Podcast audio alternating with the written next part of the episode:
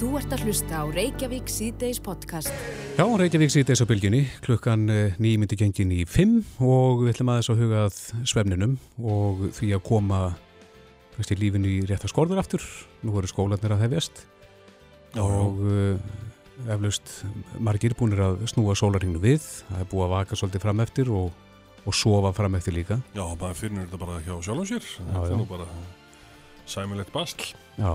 Hvað, hvað ætli tætti langan tíma að, að breyta sér úr A-mannistju í B-mannistju og svo tilbaka eftir? Já, það er ekki gott að segja. Nei. En uh, á línunni er kona sem veit miklu meira um svefnin heldur en við. Hún heitir Erla Björstóttir, sálfræðingur hjá betrisvepp.is. Sæl Erla. Já, sælir. Er það þekkt að, að fólk geti breytt sér úr A í B og, og B í A og svona með kannski lítilli fyriröfn? Uh, það er nú misjátt. Flest höfum og ágætis aðlunar hefni og erum svona á gráu svæði einhvern veginn á milli þess að vera og B-típa Mm -hmm. og getum breytt okkur bara með okkar vennjum og rútínu. En svo eru sumir sem eru kannski bara mjög ekstrím í aðra áttina og eru þá kannski svolítið bara alltaf þar. Já, Þannig að það er líka alveg til, til dæmum slíkt. einmitt. En uh, þetta er þekkt vandamál þar sem að uh, langa fríinu líkur og jólafríinu hjá, hjá krökkunum og það þarf að fara að koma hlutunum í eðlilega rútínu aftur. Ertu með eitthvað triks upp í erminni til þess að, að hjálpa fóreldrum? Já, það er náttúrulega flestir eru að byrja í skólunum á mánudaginn aftur þannig að það er mjög gott að hafa helgina framundan til þess að byrja að rétta sig við. Mm -hmm. að því að þetta tekur alveg nokkra daga. Best það er kannski verið að byrja svona um meðja viku á miðvikudaginn á þessu að vakna þá aðeins fyrr, byrja að vakna hálftíma fyrir en þú vaknaður í dag og, og svo kolla kolli. Þannig að það sé ekki svona rosalega erfitt í eitt skipti og maður fara einhvern veginn grút þreyttur á stað inn í nýja árið. Mm Þannig ég mæli með því eins og núna um helgina að bara vakna fyrir á morgun og ennþá fyrir á sunnudaginn og taka sunnudaginn bara með trompi, fara út og vera út í náttúrunni og fara í sund og reyfa sig og þreita líkamann. -hmm. Þannig að maður sé bara orðið nægilega þreyttur á sundarskvöldi til þess að sopna á eskilugum tíma því að flestir eru vantarlega komnir í það form að vera að fara að setna að sofa en þeir eru vanir og, og mun setna á fætur. Já, e, það þarf sem sagt að, að byrja á réttum enda, það þýðir ekki að senda krakkana fyrr í rúmið, e, maður þekki það alveg þegar maður fer bara óþreyttur upp í rúma, þá getur maður endalust. Já, nákvæmlega. Þannig að það fara að byrja á morgninum sko. Bara vekja þau nógu og snemma í fyrramálið. Vera bara með eitthvað prógram fyrir fjölskylduna og koma bara öllum út helst. Þannig að þessi ekki bara lagst upp í sófa og sopna þar sko. Þannig að bara nýta helgina í góða, góða útiveru og virkni. Já, Já.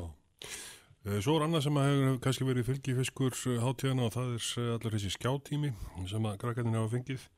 Eh, Hann getur haft áhrif á söfnin sömulegðis. Já, ekki spurning. Það eru þetta rosalega margt sem kannski fer svolítið úr skorðum svona yfir hátíðarnar. Bæði breytist uh, söfn tíminn sjálfur og rútínan og skjátíminn gerna verið meiri. Sigurneslan líka, hún eikst og mataræði verið óreglulegra og allt þetta hefur áhrif á söfnin. Þannig við þurfum líka að huga þessum þáttum. Við borða holt um helgina, borða reglulega og takmarka skjátíman og sérstaklega á kvöldin og þá mæli ég sérstaklega með því að bara síðustu tvo tímana fyrir svefn að láta skjáin þá bara alveg eiga sig. Já. Hvað með sjónvarpið? Er, er flokkast e, sjónvarpundir stjátíma? Já, það gerir það en það er nú samt uh, örlítið skarra að horfa á sjónvarpi heldur en að vera í snjáltækjunum vegna þess að bæði er fjarlæði meiri oftast frá sjónvarpinu og þar af leiðandi byrstan sem við erum að taka inn minni og byrstan hefur áhrif á melatóninu og þetta svefnhormón og svo er kannski áreitið oft líka aðeins annar, annað þegar við erum að horfa á sjónvarpið. Við erum meira passív þegar við erum að horfa á sjónvarpið en þegar við erum í snjáltækjunum þá erum við kannski inn á samfélagsmeirðum að tala við fólk eða úrlingar jafnvel að spila tölvuleiki og þannig erum við í svona örfandi áreiti sem að líka vekur okkur upp og, og heldur heilanum vakandi og það tekur tíma að gýra sér niður eftir það. Mhm. Þannig að sjónvarpið er skarri kostur heldur en hitt. En nú er það þekkt að, að sömu nota melatónin til þess að, að hjálpa sér við að, að koma sér í ró eða í svefnin. Er, Já. mælurum með því og mælurum með því fyrir þá alla eða fyrir börn eða unglinga eða hve- hvernig? Nei, ég ger það nú ekki. Uh, Melatonin er í raun og veru ekki eiginlegt svepplif, það er meira að hugsa sem svona lif til þess að stilla af líkamsflukkuna Er þetta hormón? og þess vegna kannski er það oft uh, gott fyrir þá sem vinna mjög óreglulega, vinna vaktavinnu, eru að koma af næturvöktum eða fólk sem að ferðast mikið yfir önnur tímabelti, Mhm. að þá getur melatonin verið gaglegt í skamman tíma til að svona rétta taktin af en það vantar mikið rannsóknir á áhrifum þess að nota melatonin og sérstaklega nota það staðaldri. Og dýraransóknir er að sína okkur svona niðurstöður sem er ekki sérstaklega góðar. Þetta er að hafa ímis áhrif á framleiðslu annara hormóna, þar á meðal svona kynhormóna, þetta er að hafa áhrif á ægslunakerfi og frjósemi, sérstaklega á kvendýrum og við veitum ekki hvort að þessi áhrif eigi við um okkur mannfólki líka, mm -hmm. þannig að við þurfum að fara varlega í notkun melatónins, alveg svo bara annara söflefi. Þetta, þetta er, melatónin er, er þá viðbótar hormón? Já, þetta er hormón sem að líka minn framleiður og við erum þá í raun og verið að taka þarna inn hormón og við ættum auðvitað ekki að taka inn hormón að staðaldri nema vera vissum það að okkur skorti þetta hormón eða sé eitthvað að okkar eigin framleiðstu. Já, akkurat. En það er sem sagt eh, tvo tíma áður en að uh, það kemur að háttatíma þá ættu fóreldrar að, að fjarlæga snjáltæki. Já, ég mæli með því og við þetta fóreldrar þurfum líka að vera fyrirmynd. Við erum kannski ofta ekkert betri í þessu sjálf þannig að það er ágætt að bara allir setja síman á hljóðlösa stillingu og koma um fyrir á ákveðin stað á heimilinu og, og nýti þess að síðustu tvo tíma á deginum í eitthvað annað. Já, akkurat. Og stilla klukkuna, vakna fyrr e, í fyrramálið og svo á sunnudagin. Já, og komast, komast út, komast út í dagstyrtuna. Það hefur mikil áhrif og hjálpar okkur líka bara að stilla taktin okkar. Já. Erla Björnstóttir, sálfræðingur hjá betrisvefn.is. Takk fyrir þetta. Takk fyrir sem er leiðis. Leðis. Þess leiðis. Þetta er Reykjavík C-Days podcast. Já, já, nú er auðlindin komin í umræðin aftur, enn á ný og það kannski í, í hérna framaldi af samherja umræðinni sem að spratt upp. En uh, Kári Stefánsson vakti aftegli á uh, verðlækningu á, á makríl Já. í grein sem að skrifa í fréttablaðið í byrjun desember og vakti upp þá spurningu hvort að það var ekki komið tími til þess að, að eh, makrillin eða aflinn færi á markað.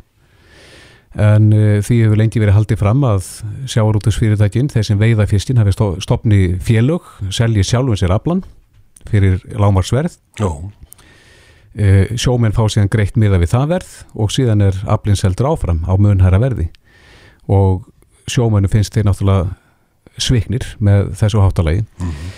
Uh, á línunni er Þorgjörgur Katrin Gunnarsdóttir, formaði viðreysnar og á þar, kom til sæl. Sælistrókar, gleðilegt ár. Já, gleðilegt ár. Uh, hvað, nú varst þú ráð þeirra, sjáurútus mála, þetta hlýtur að hafa komið upp í þinni tíð, þar að segja þessi spurning hvort að aflinn ætti ekki að fara á markað. Jú, vissulega gerði það það, þessum skamma tíma og ekki sísk kom kannski mikla þetta mikla vantrust á milli aðila þar að segja útgjörðamanna og sjómanna varðandi fiskverði og ég held að kannski umræðan fyrst og fremst daga og vikur. Þetta samerið skilunni sínir fram á það að við þurfum að ekki síst hvað var að verðlagningu sem síðan hefur þetta mikil áhrif á það hvað hvað eh, bæði útgerðar en ekki síðu hvað, hvað þjóðin er að fá fyrir, fá fyrir kótan mm -hmm. að, að þá verður gegnsæja ríka, ríkja og ekki tröst og það var náttúrulega húrrandi vantröst á milli að, aðila í, í sjómanadeilinni einn helsta krafa, eðlileg krafa sjómana var meðan annars að, að eh, undirbyggja stofnum sem að heiti verðlagstöfa uh, eh, fiskverð sem að átöðu fiskverði Uh, sko, ekki ákveða heldur skoðar það og hérna er staðsett fyrir norðan og hluta því sem að ríkisvaldið skulda til til að gera var að bæta við mannafla þar til þess að auka tröst en mm -hmm. það tröst hefur ekki byggst nægilega upp og það þarf að, að draga fram allt það hvort að það verði allur afna allur markað, það þarf ekki endilega að vera nákvæmlega svo leið en það er alveg ljóst að það þarf að að, að fara vel yfir þetta og fá allavega myndakosti aukin afla á markað. Við erum snuðið sagt, látum markaði ráða þessi verðinu. En eftir að segja okkur það, Þorgjörður, að, að miða við e, fyrirkomulegin svo þeir í dag, að þá er, eru náttúrulega sjómenn að verða af háum fjárhæðum e, og, og þjóðin líka. Já, það, það er að segja ríkiskassin. Já, það er margt náttúrulega sem hefur áhrif, uh, afleitt áhrif að því hvaða verði síðan gefur upp fyrir fiskinn og Kári Stefánsson eins og, eins og við rættum á þann uh, hefur einmitt bent á það í, í grein í, byrjun desember að hann var að draga fram akkur í, það er ekki þetta gegnsæði var þetta verðlækning á makri það er allt annað verð hér heldur í, í Nóri vissulega kann það skýrast af einsum ástæðum sem að meðan fyrirtekinu sjáurðu við hafa reynd að gera en það er bara ekki villit þetta skýringar. Það er ekki að skýra mál til fulls ákveðu þessi gríðarlega miklu verðmunir er á á uh, makrilæðurinn hér og í, í Nóri og það er alveg óskiljast að við skulum ekki fá meira fyrir makrilæðurinn heldur en öfndar vitni. En nú hefur þú... Er, það er fullsta ástæða, ekki síst núna til þess að byggja trösta á, á sjávorutvi að það veri farið um geflaði við og við verðum að hlusta á þessar gröfur sjómanna. Ég held að sé eðlilega til þess að fá þessa hildarmynd. Já, en, en nú varst þú á þeirra og, og það er eðlilega spurning, ak akkur gera stjórnvöld ekkert í þessu, það er búið að benda á þetta lengi? Já, hluta því var einmitt að reyna að byggja upp þessa stofnun sem að ferir við uh, verðlækningu á sjáarötu. Það er eitt, liður í því að reyna að búa þannig hútana kerfið sem okkundur að kemur að sé, sé nokkuð stærst og gegnsætt. Ríkisvaldinu hefur tekist vel að, að byggja upp hafrásungurstofnun þó að svo stofnun hafi sætt á hvernig gaggrinni að þá er þetta enga síður grundallarstofnun sem hefur tekist vel að byggja. Það þurfa að gera með fleiri stofnanir og ég held að að eh, frétti síðustu vikna náttúrulega drægi það fram og, og þrýsti ennfækar á það að við þurfum yfir þetta allt saman. Mm -hmm. eh, hvers er það að breyta þessu fyrirkomulega? Er það stjórnvald eða, eða alþingis? Er þetta reglugjörðabreiting eða þar lagabreitingu? Og það þarf lagabreitingu. Það þarf lagabreitingu til þessa en, en síðan eru náttúrulega stjórnmálflokkar með mismunandi stefnu í sjálfrætsmálum og ég bent á það að við í viðrist við höfum sagt það að við setjum bara uh, kvótan á marka. Það er gegnsæðasta leiðin. Það er langt gegnsæðasta leiðin varandi verðlagningu á okkar samíðanlegu öllin. Mm -hmm. Hverju myndi það breyta? Það, það myndi breyta því að, að þá er þetta að, að greiða það verð fyrir kvótan sem er í rauninni á raunverði. Þannig að þá eru allir það að markaðinu ræðir, þá er ekki stjórnmálamönd sem að eru að vasast í því hverju sinni. Eins og við sjáum það er alltaf slagur og um það hversu háaða lágjöldinni að vera heldur en að einfallega markaðurinn sem að mun þá ráða því. Og það fyrir viki verður mikið gegnsæði og það er ekkert svona að ég hvað ég að segja þetta fyrfyrir í sem er alltaf mikið kringu velagningu á, á sjáarafun Já, en nú er náttúrulega eh, markaður í Európu og uh, við hefum verið gjörn á það að taka upp uh, reglugerðir uh, frá Európusambandinu og ég vil gegnum aðra samninga, hvernig eru við alveg stikkfrí í gagvart því? Já, náttúrulega sjáardúðurinn og landbúnaðurinn undarskilin samningum með európska efnaðarsveit. Já. Og þess vegna er þetta, þetta algjörlega höndum en, en það er líka náttúrulega svolítið gráðbróslegt að þegar þetta er í okkar höndum og þá stendum við fram í fyrir, til dæmis eins og í landbúnaði að þá ríkja ekki samkjöfnisreglur á mjölkumarkaði þar sem að mynd, þær myndir ríkja við værum uh, fullir aðlar ESB og það sama gildur auðvitað sjáurútiðin að það myndir ríkja miklu gegnsara kerfi varði verðlagningu og þar að leiðandi trösta á, á sjáurútiðin enn freka. En, en stóra málið er að við erum, því að horfum til sinns og ég ætla ekki að draga dula það, þetta er uh, og hefur verið okkar allra mikilvægast að við viljum að svo verða áfram, við þurfum að huga vel hverjar það breytinga sem við þurfum að fara í varðandi, varðandi sjáurútiðin en, en hérna það er uh, verður við að gera þannig að við byggjum upp tröst á greininni sem, sem slíkri. En heldur og það er áþreifanlega í dag. Á, en heldur að sé pólitískur ég, um, ég er ekki að tala um að, að strákara kottvarpa kjörnum grunninn er heildar myndi við eigum að viðhalda kvótakjörnum það er sjálfbarni sem fylgir því. Við erum að á uh, aukin vermaði fyrir hvert þorskíla og mun meira í dag heldur en var bara fyrir 10 og 20 ára síðan Þannig að það er gríðarlega vermaði sem slík fólkin í kerfinu en það ríkir ekki tröst og þá þurfum við að byggja það upp. En heldur það að sé pólitískur uh, vilji og meirluti fyrir því að, að breyta þessu og þá að, að koma aflanum á markað? Já það er allavega ljóst að það er ríkjandi vilji, ríkur vilji til þess að breyta. Meðan við núverandi stjórn þá er náttúrulega engin vilji til þess að breyta þessu kerfu og við sáum það bara einfallega síðast þegar við í viðreysn og fleiri í stjórnunastöðu lögðu fram tilugur bæði markaslegin ekki þýður það að, að tímabinda samlinga þannig að það væri tryggt og auðlindin væri í, í uh, eigu uh, þjóðarinnar til langstíma. Uh, það feldur stjórnáflokkarnir auk miðflokksins þannig að eins og staðin er í dag þá er ekki þessi ríki vilji til þess að breyta þessu. Þetta er allt bara svona hum og ha og afskaplega slött viðbröfið í ákalli þjóðurinnar að efla tröst á þessari mikilvægu akkurinn. Mm. Hvað er langt áka til að þing kemur saman áttur? Nemndafundi byrja 14. Þá er svo vika nefndavika og síðan býða byrja þingstörf uh, inn í þingsal 20. og 1. janúar. Áttu vona því að, að þessi mál verði tekinn fyrir á þingi, komandi þingi? Já, við, já, við munum sjá til þess að sjárútismálinn verða skrá uh, þingsins, það likur alveg fyrir. Já, akkurat. Og það gerist líka, það gerist líka með aukinu umræðu stjórnarskrána og, og auðlinda ákvæði inn í stjórnarskrána þar sem að er raunverulegt inntak á þær, þessi, þessi svona loð, loðinmulla sem er núna sett fram á, á samráðs stjórnar uh, ráðsins. Mm -hmm. Rétt í lókinn við getum ekki slepptir á þess að spyrja þess út í skaupið. Hvernig fannst þið það? Þú komst nú að spyrja þar. Já, mér fannst það dundi gott. Ég, mér fannst það skemmtilegt. Ég sá það að unga fólkin í kringum mig kynsleðana eftir að þau hefðu feikilega gaman að það og mér fannst þetta beitt gaggrinni, hún var ekki meiðandi en hún var beitt. Og, og mér varst náttúrulega hansa stórkonsleg ég hef sagt að hún, mér varst náttúrulega bara að hún var betri, ég myndi alltaf kjósa hana. Mér fannst uh, svo sem að líka hana Katrin Jak hún frábærs og það er margt sem að var í þessu eins og þú veist, atriði með, með gerða kallin sem ragnast út í kjóla hjólreðamannin og fleira og fleira. Það Já. var kassin á, ég, kallin á kassanum að tala við, að daðra við kassan. já, já, akkurat. Það var aðriði sem að voru stórkastleik. Já, akkurat. Og alveg þessu verið að horfa aftur. Já, og það var betri í annarsinn, sköpin að horfa. Akkurat. E, eitt í lokin, ertu búin að strengja heit eða setjaði markmið fyrir þetta ár? Nei, verður ekki að vera bara í kjólinn fyrir jólinn, næstu jólskið, þar að segja. Já. Ég hef tól mánuði til þess. Nei, ég ætla ég sagt það, ég ætla að vera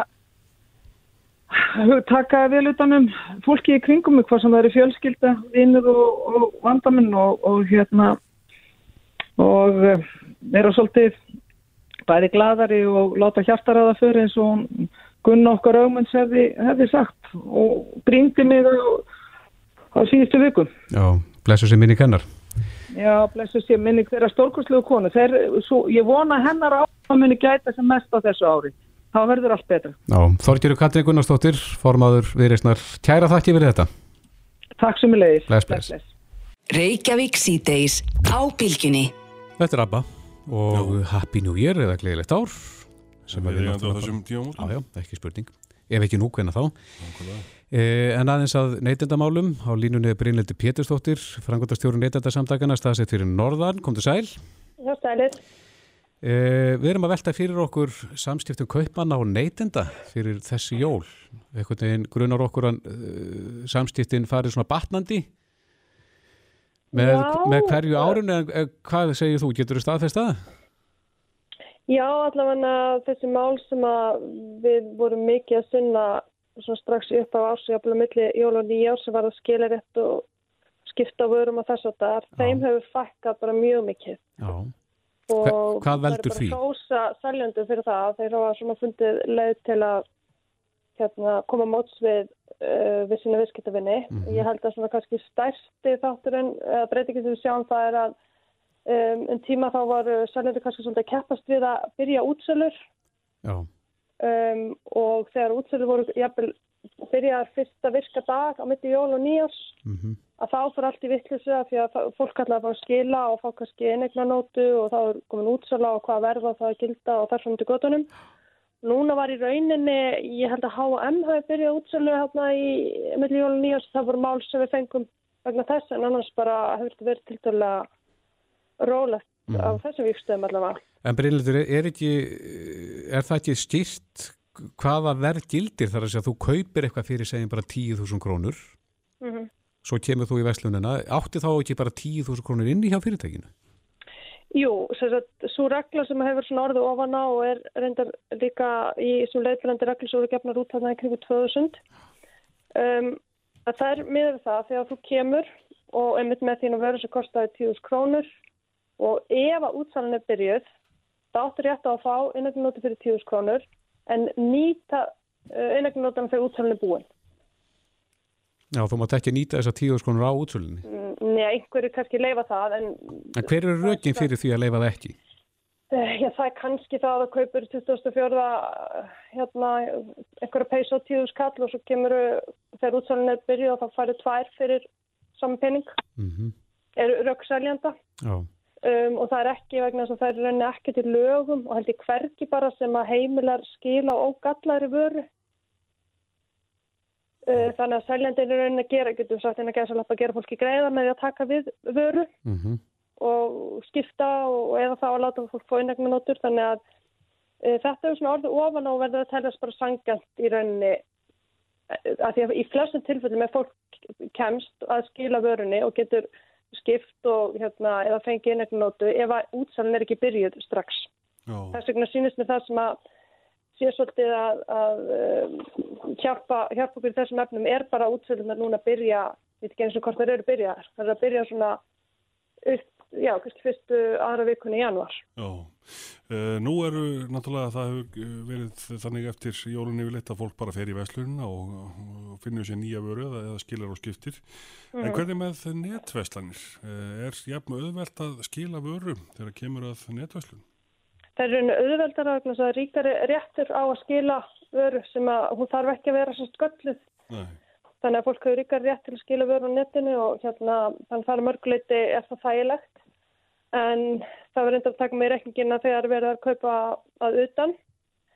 Að það borgar maður uh, virðisauka borgar virðisauka skatt og, og kannski tolla vörunni og sendingakostna og alls konar svona vesen og svo þú sendir vöruna tilbaka þá ertu búin að borga sendingakostnaðin og það getur verið tölvöld vesen að fá til þess virðisaukarskattin tilbaka. Já, já. Ég fór einhvern tími gegnum eitthvað svona á hvað bara þetta væri neytanda til en þetta var alveg hundleðilegt og, og mikið vesen þannig að það svona já, það er Þarf að bæta úr þessu? Þetta er góður réttur en það er sem sagt, já, tölvöld meira áhætta kannski fólkinn tí að vera að kaupa sér föt og skó og annað. Mm En þú segir þetta er ómikið vesen þegar það á að senda vörur á landi búið að, að borga þessi ópenbyrju gjöld en þarf að einfalda það ferli? Ég veit ekki hvort það er hægt að ein, einfalda. Náttúrulega það eru tollar og, og vaskur og, og svona ímislegt sko. Mm Þannig að hérna, þetta er auðvitað líka bara misund eftir fyrirtækjum hversu hérna auðvöld þetta er. Ég samt hef ekkert mikla raustu nákvæmlega þessu en e, ef verið að versla innanlands í netverslun, ef við tölum bara það, að þá er réttur til að skipta vöru, að skila ógallari vöru. Maður hefur hann rétt til að hætta við eða sjá eftir kaupunum. Minna að séu 14 dagar, Já, frekar en 12, 14. mm einmitt. Þannig að það er ákveðt en síðan er náttúrulega svona ákveðin tímasprengja sem er sem, sagt, sem eru kannski gafabrefin sem eru keift í jólagjöf og svo eru við að fá þau mál á öllum tímum árs þegar að fólk finnur gafabrefið og í skúfu við tiltektina og það er kannski útrunið og, Já, og hvað, það eru svona, það, þar eru við nú kannski mun hérna, mun harðar afstöð heldur kannski varandi inneignanótunar vegna sem er búið að leggja einn pening á fyrirtæki mm og bara fullkomlega eðlagt að fyrirtæki veiti þjónustu eða sérst afhengi vöru uh, fyrir, fyrir þá upphæð og get ekki skilist gafabref með, með gildistíma, með sluttum gildistíma og við teljum að, og saka þessu leifbröndi reglum þá á, á að vera fjögur ára gildistíma á gafabrefum. já, og það, er það samkvæmt lögum? Það er ekki lög en það eru þessu leifbröndi reglur og svo er þetta bara peningakrafa sem ætti þá að hafa fjögur ára fyrningafrest þó að það sé svona í lögunum að tala um að auðvitað að að semja að þetta sé rauninni bara samningur. En það verður aldrei reynd, á svona mál. Fyrir um tvisasunni sent svona mál fyrir kærunend og reyndar unni í bæðskiptin en ekki fyrir hérna dómi. Það eru kannski hagsmunir það litlir. En mann finnst bara að seljendur þetta viðskipt, þetta eru þeirra viðskiptavinir Mér finnst það alltaf jafn furðulegt þegar að seljendur eru með vesen út að gefabrifi. Mm En svo Þú geta, reyða kannski jafnmiklum fullt af peningum í ykkur markasetningur en að lokka til sig viðskiptunni svo eru allir komni með viðskiptunni og fara þá að vera með vesen. Já. en svo geta fyrirtæki orðið gjaldróta? Já, það, þess vegna segjum við, viljum við líka leipinu fólki um það að bæði hvað var innegna nótur og gafabrif að vera ekki að liggja á uh, gafabrifum eða innegna það- nýta það sem fyrst. Já, það er alveg sko sem betur fyrir ekkert algengt en stundum eru bara fyrirtæki sem að við jafnvel teljum að séu mjög stöndu og mun ekki hætta í rekstri að hérna að þau getur gjaldrota og hérna öruglega til dæmis einhverju sem sátt uppi með hún gefa brjóð af gjaldroti vá. Já. Já, talandi líka með gefabrið, þá voru einhvers gefabrið held ég bankana sem að voru með dagsetningu þar sem þau renna út. Er það eðlilegt? Já, hvað, nú ætla að sé þrjú ár. Þetta Já. er svona eitthvað aðeins mis, misjönd. Okkur finnst bara eðlilegt að að vera fjögur ára gildistími á Já. þessu. En það er eins og ég segi, það er ekki, seljundum eru svo sem að einhverju leiti sjálf og sett hvað að gera en við viljum alltaf fá að vita af því ef seljundum takk ekki við veist, ég var til í að setja bara svarta lista í neytendablaðið yfir þá sem að neyta að taka við gafabrjöfum vegna þess að sem ég segi seljandin er búin að fá pening í kassan og fullkomlega óæðilegt að hann veit ekki verið á þjónustu. Er, er uh, þetta aldingt? Mm, þetta, ég, ég, er, ég er að vona að þetta sé aðeins að batna.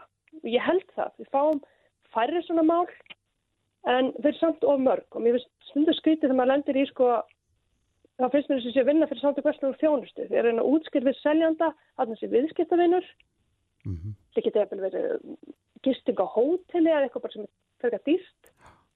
Maður þarf að útskýra þarna sé viðskiptarinn sem verður mjög gladur ef, ef það er komið á mótsöðan og munir þá jafnvel bara eiga frekari viðskipti eða hérna segja vinum og vandamönnum frá ánæginni í staðin fyrir að vera ergja fólk á óterfi. Brynildur Péturstóttir, eh, frangotastjórn eitandarsamtakana. Kæra þakki fyrir þetta. Takk, takk. Bless, bless. Frettir og fróðleikur, Reykjavík síðdeis á bylgjunni. Já, Reykjavík síðdeis á bylgjunni, nú stærstu frettirnar úr alþjóða stjórnmálunum er, eh, er eh, dráp á írönskum eh, hersöðingja sem að bandar ekki mengur önduð með dróna árás og þegar að frettir bárust á þessu að þá hækkaði olíuverðum 4% mm -hmm. að það líti til að gerast í þessum heimsuta til þess að að oljuverð fari á flug Greinilega.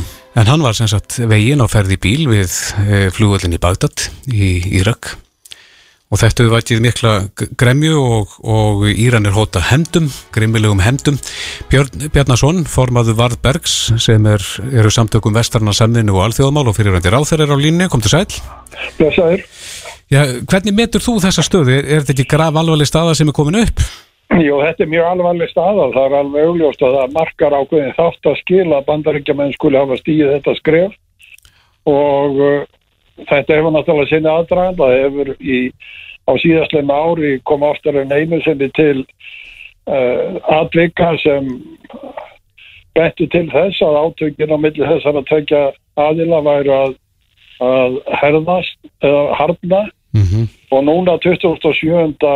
desember að þá var drefin verktæki bandarískur sem bandaríkjaman töldu að Íranir hefðu staði á bakvið og síðan tveimur dögum síðan 29. desember að þá gerðu bandaríkjaman loftarósir að stöðvar Írana í, í Írak mm -hmm. og síðan 31. desember að þá var ráðist á bandaríska sendiráðu í Írak og, og síðan í, í morgun eða í nótt að þá var eh, skotið á bílinn þar sem Soleimani var og hann er enginn smá kall í Íran því að hann var næst aðsti maður landsins að mati allra næstur uh, erkiklerknum sem fer með aðsta vald í landinu. Og hann stjórnaði uh, úrvalshersveitum sem áttu að útbreyða vald og áhrif Írana utan Írans. Og hann hafði undirtökin í Líbanon, Sýrlandi og Írak í gegnum þessar sveitir og stjórnaði aðgerðum þar og lýsingar á því sem hann hefur beitt sér fyrir í þessum löndum og hvernig hann stjórnar Hezbollah og öðrum slíkun sveitum á undanförnum árum eru þess aðeins að það hefur lengi verið á döfunni greinilega að að eh, koma hann fyrir kattunni en það er ekki gert fyrir núna Nei. En uh, þetta vilist vera stegmagnast eins og lýsir þessari atbyrðás uh, hvert verður framaldið heldur?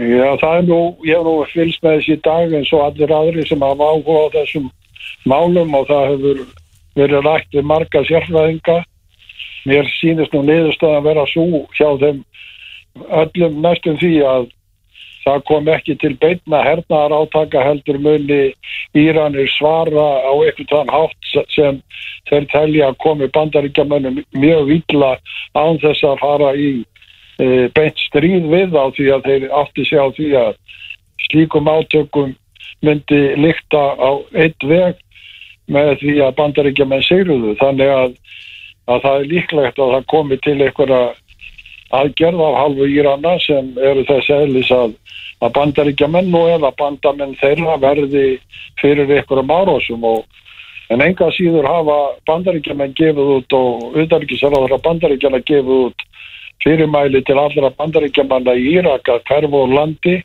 og það hefur líst yfir að bandaríska sendir á þar eða ræðiskrifstofan að hún mun ekki sinna neinum störfum fyrir það sem er í landinu og þeir eigi bara hýpja sig á brott þannig að það er nú einhver líkara heldur en að bandaríkja stjórn búi svöndir stóra átök í Írak og, og fulltrúar stjórnvalda í Írak sem hafa talað að þeir harma það mest að þetta atvik eða þetta mórskildi framið í, í Írak því að þá er yrði Írak átaka völlurinn í, í, í kjálfarið ef að það kæmi til beitna hernaðar átaka Já. en eins og ég segi þá getur þetta líka byrst í hriðjuverkum því að Sólei, Manni var nú sérfræðingur í hriðjuverkum og talið að hann hafi eh, lagt á ráðinu mörg hriðjuverk sem uh, voru framinn eh, ekki aðeins á þessum slóðum heldur einnig í Evrópu og annar staðar og að þeir muni huga slíkum úrræðum líka til þess að svara þessu því að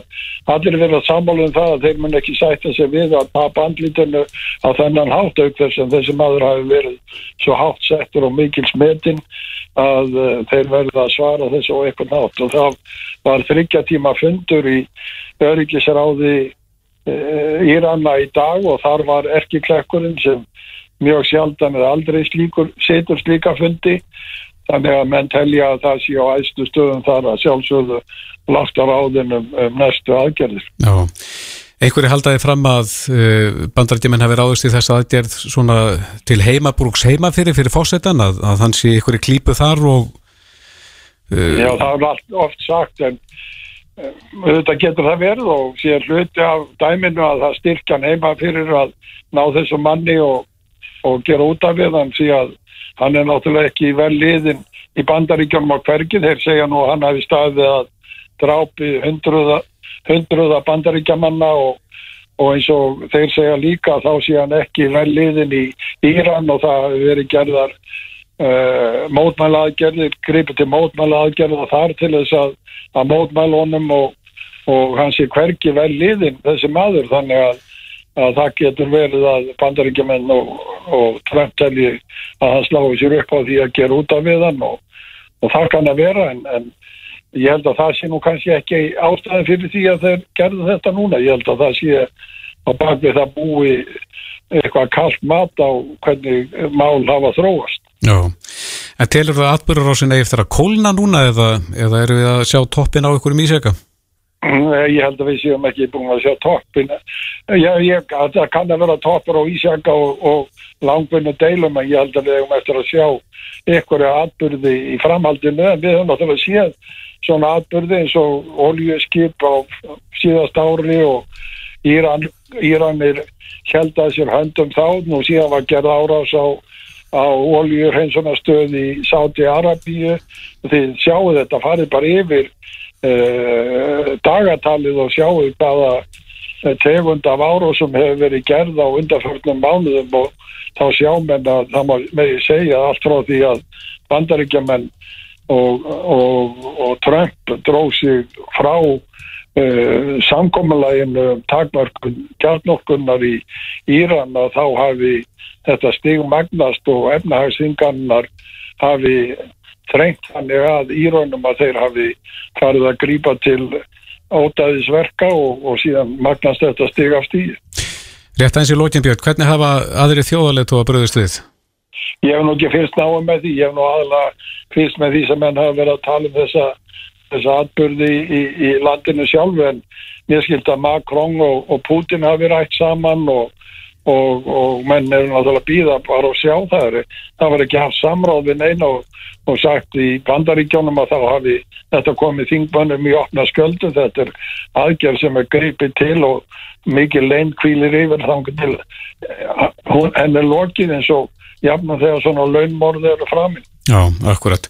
Og það kannski kemur ekki óvart en uh, Benjamin Netanyahu hefur líst yfir stuðningi við Jú, þess það eru aðgerð. margir sem lýsi við stuðningi við þessu því að það er ekki, hann á nú ekki marga vini maður sem hefur beitt sér á þann veg sem Soleimani hefur gert gagvart öðrum þjóðum og í þýskablaðinu Die Welt skrifaði sérfræðingur þess að, að heimurinn er betri eftir þessi maður væri farin. Já, Þannig að það eru margir sem líta þannig á að það hefur komin tími til að, að, að gera uh, rástafanir og þessu tægi gagvart honum en, en auðvitað getur þetta dreigið dilk á eftir sér og, og við veitum ekkit hver, hvers eðli samverður. næ.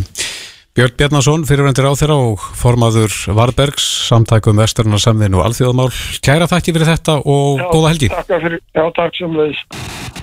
Send okkur tölvupóst reykjavík at bylgjan.is Jæja, tíkjum aðeins á dagskrá stöðvar 2. Já, uh, heimildamyndin 13. sem að fjallar mitt um uh, 13. gliðina í Vestmanægum í gegnum áratugina verður sínd á stöð 2 á sunnundaskvöld klukkan 19.10 uh, Sigvartur Jónsson uh, sá sem framleiti myndina er á línunni komdu sæl Se segðu okkur til að byrja með kannski er eitthvað öðruvísi við 13. gliðina í eigum Já, hann hefur verið það frá, já við getum allavega með árið 1948 sem er svona útgangspunkturinn í þessari mynd þegar knallunni félagi Týr hérna út í eigin tók við þessu skátanir höfðu nú séð þetta lengi framan að fara áður og það er raunin að það reykja þetta sko alveg aftur til aldamóta sem að í tengslu við svo kallan dulbúningar og heimsóknar sig þegar að fólk gekk grímuklætt á milli húsa. Já, já þannig að ég er núna dúðaður alveg fyrir haus og svona ég kom inn hérna til pappa og, og aftur og segja við sko veit ég hver ég er og þau myndu þá að samkvæmsleikunni sá sko að giska á hverju voru á ferðinni já, já. og ef þau giska rétt sko þá kannski fæði kaffe og kókur og ekki, ég veit ekki já. en það er svona útgangspunktur sem við tökum er þeim frá því að íþróttarhefingin tóku við þessu og og svo vinn ég þetta með Geir Henningsinu vinnu mínum og hrefnu díunum við að stúdið þjóðfræðingi sem gerði einmitt þjóðfræði rítgerð um 13.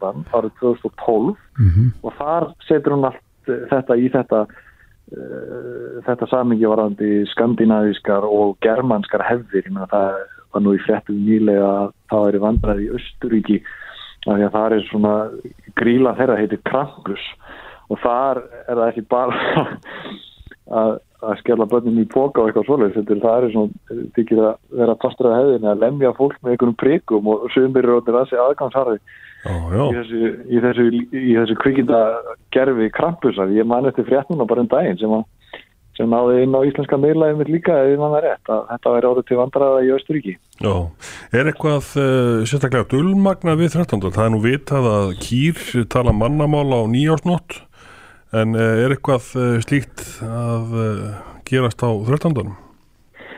Ég allavega er búin að vera núna undanfarinn fimm ár að mynda þessa 13. gleði Já, hér í eigum sem er einmitt svona merkilega af því að þetta hefur verið þess að segja, 70 ára hefð bara við miður við þetta þegar Íþróttafélagi tók við þessu og þá einmitt bræði fóru að bætast í hópin sko, Jólasveinarnir hafa lengi verið við lífi og hérna og alls konar veist, áður voru það álvar sem að leittu þetta og þetta tengt við álvabrennu og svo margar svona hefðir sem hafa svona runni saman eða blanda saman já, þannig að hér í eigum fóru fljóðlega tröll, púkar að bætast í þetta og svo þetta gríla og leppalöði um, þannig að sko það er svona sinnsýður í hverju land og jáfnvel í hverju héraði og það er til dæmis eitt af því sem við förum yfir í þessari mynd sem heitir einfallega 13.